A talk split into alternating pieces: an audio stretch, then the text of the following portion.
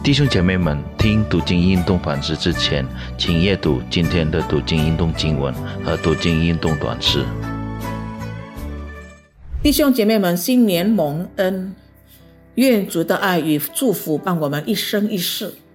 今年的道路容易吗？生活中将会有怎样的挑战？让我们同心祷告，仰望主。亲爱的主，谢谢你带我们进入了新的一年，帮助我们可以再接再厉，用心学习圣经的真理，也可以精心遵行你的旨意，赐福我们今年比去年更进步。借着读经运动反思，我们可以明白你的心意，过着讨你喜悦得胜的生活。奉耶稣的名祷告，阿门。挪亚与洪水的故事大家都很熟悉。圣经第一次记载挪亚，就是在创世纪第五章，亚当的后裔舍特的族谱里，记载了某某人出生，活了几岁，生了谁，然后又活了多少年就死了。几乎每一个人都是这样，但家谱里作者特别举出了以诺与挪亚的信心。假设没有世代的间断，挪亚的曾祖父就是以诺，而挪亚的祖父就是年寿最高的九百六十九岁的马土沙拉。马土沙拉的意思是神公义的审判，或者是当他死的时候，这时代就要受审判。以诺在生马土沙拉的时候，知道有一天神的审判要临到这不义的世界。非常奇妙的是，马土沙拉的离开正是洪水那年，正好应验了马土沙拉名字的意思。所以，马土沙拉的死期就是人类道德堕落的最后底线，也是神宽容人类的最后期限。我们如何计算马土沙拉归途就是洪水之年呢？我们来看，马土沙拉生拉麦一百八十七岁，拉麦生挪亚一百八十二岁。洪水的时候，挪亚是六百岁，所以总共九百六十九，正是马土沙拉的寿数。挪亚六百岁才进方舟，挪亚有很多的机会从马土沙拉听到以诺如何与神同行的见证。建立了挪亚对神的信心。今天的经文《创世纪》第六章，我们将经文的内容分成两个部分来思想。第一，神的审判。我们要先看经文如何把地上人类的罪恶光景揭露出来。一到二节，圣羊众多，遍满全地，本来是神的心意，但。娶妻以生儿女的方式，并不是神想要的。人想做自己认为美貌是好的，就随意挑选，这和神看着是好的成了强烈的对比。神的儿女们和人的女子结合，这句话在学术界有不同的解释。我们很难断定哪一种的解释是最终的解释，但我们能够肯定的是，神对这种邪恶的作为强烈不满，神受毁了圣灵的管理与控制，剩下的为人都被洪水杀灭了。第五节，当人的数目越多，所犯的罪也越多，终日。表明世人的罪恶是持续不断的，他们所思想的尽都是恶，这说明人的本性的各个方面都已经腐败透顶了。十一到十二节。记载着人类的邪恶已经蔓延，地上满了强暴，在地上都败坏了行为。那么神的回应是什么呢？圣经说，耶和华就后悔造人在地上，心中忧伤。后悔的演绎就是忧伤。态度的改变，回心转意。神要用洪水毁灭自己所造的世界，要阻止罪恶继续蔓延，把被玷污的地洗干净。有人认为洪水的审判太过严厉了，怀疑神是很残忍的神。其实，非到必须，神是绝对不会如此审判世界的。我们想想看，马土沙拉的一生九百六十九年，他的名字神公义的审判已经不断的警告那一个时代的人。还有，根据第三节的经文，挪亚预备方舟的时间一百二十年。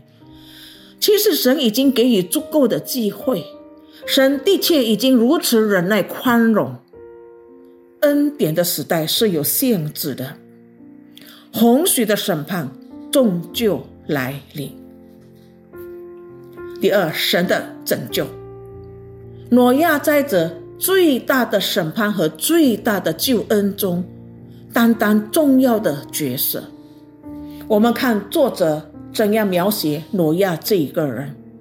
第八节说：“唯有挪亚在耶和华眼前蒙恩，神保留了挪亚一家人，这是神的恩典，为着成全神在人身上最高的旨意。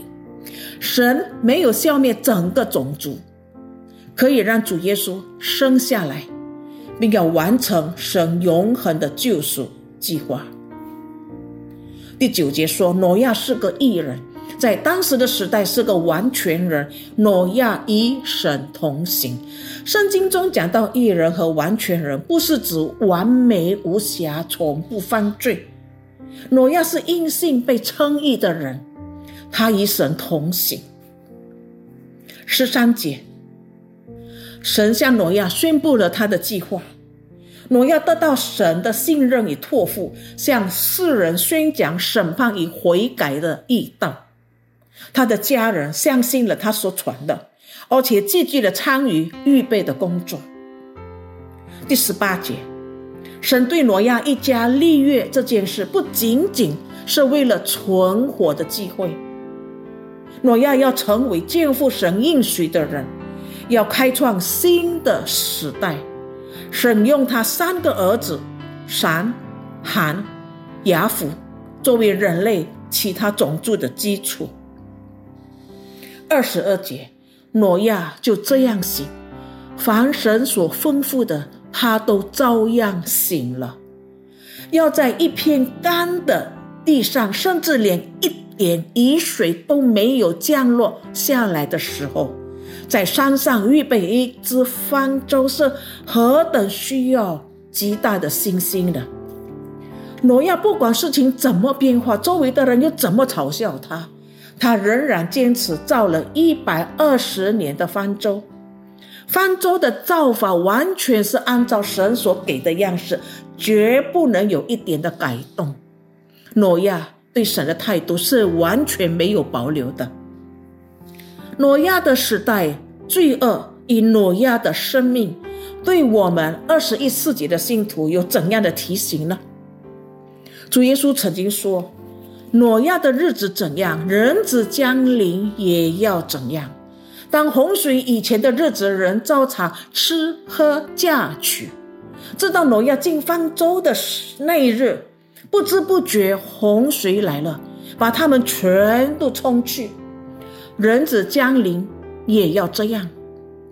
我们今天不也是在吃喝嫁娶吗？难道吃喝嫁娶是一件坏事吗？其实关键是“招常”这两个字，形容人们把神放在一边，完全不在乎神要毁灭这个世界的提醒，继续招常追求肉身的享受。被邪恶的生活所麻醉了。圣经有很多处的经文正在提醒我们：末世必有许多的危险。现代的世代的邪恶与败坏已经是无法逆转了。错误的道德观念、各种叛逆神的罪行，已经借助各种的媒体，成为一股可怕的影响力，用很少数的人卑劣的观念来左右、带动大众的思想与行为。布道家 Billy Graham 曾经说：“当他一手拿着圣经，一手拿着报纸，真是又惊又喜。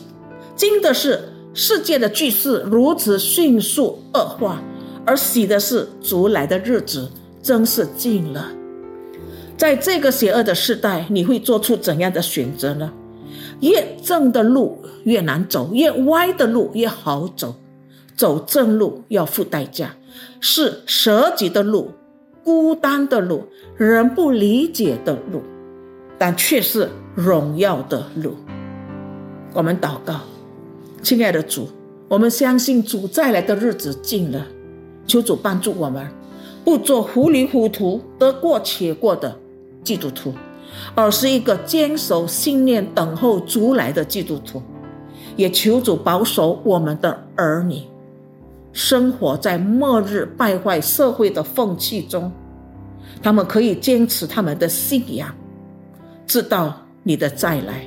奉耶稣的名祷告，阿门。